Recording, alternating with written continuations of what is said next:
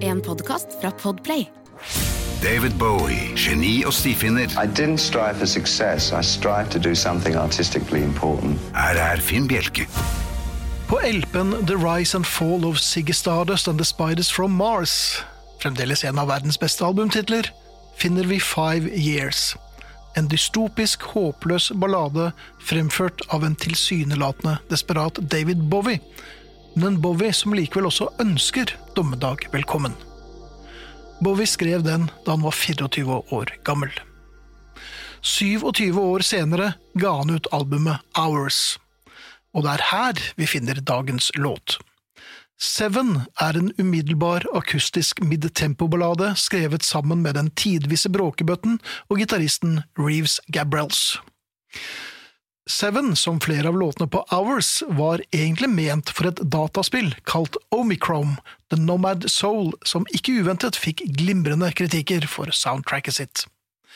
Den kan tolkes som et svar eller fortsettelse på Five Years, men den kan også ses på som en fortelling om Davids egen familie, og man tar teksten bokstavelig, noe som sjelden gir noen fasit når det gjelder Bowie.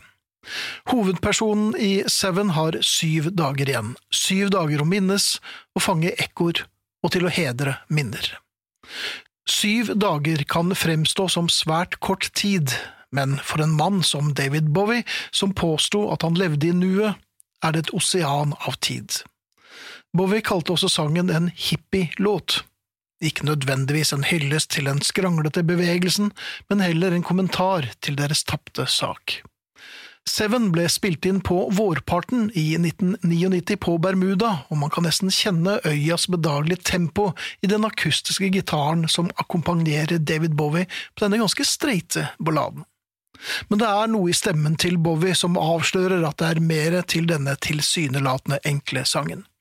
Det er en subtekst også her, og man kan tilbringe timer med å forsøke å dissekere ordene for å komme under huden til Bowie.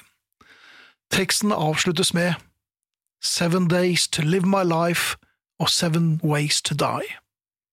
Det er et skikkelig eksistensielt russekort. Du får tygge litt på det. Her er Seven.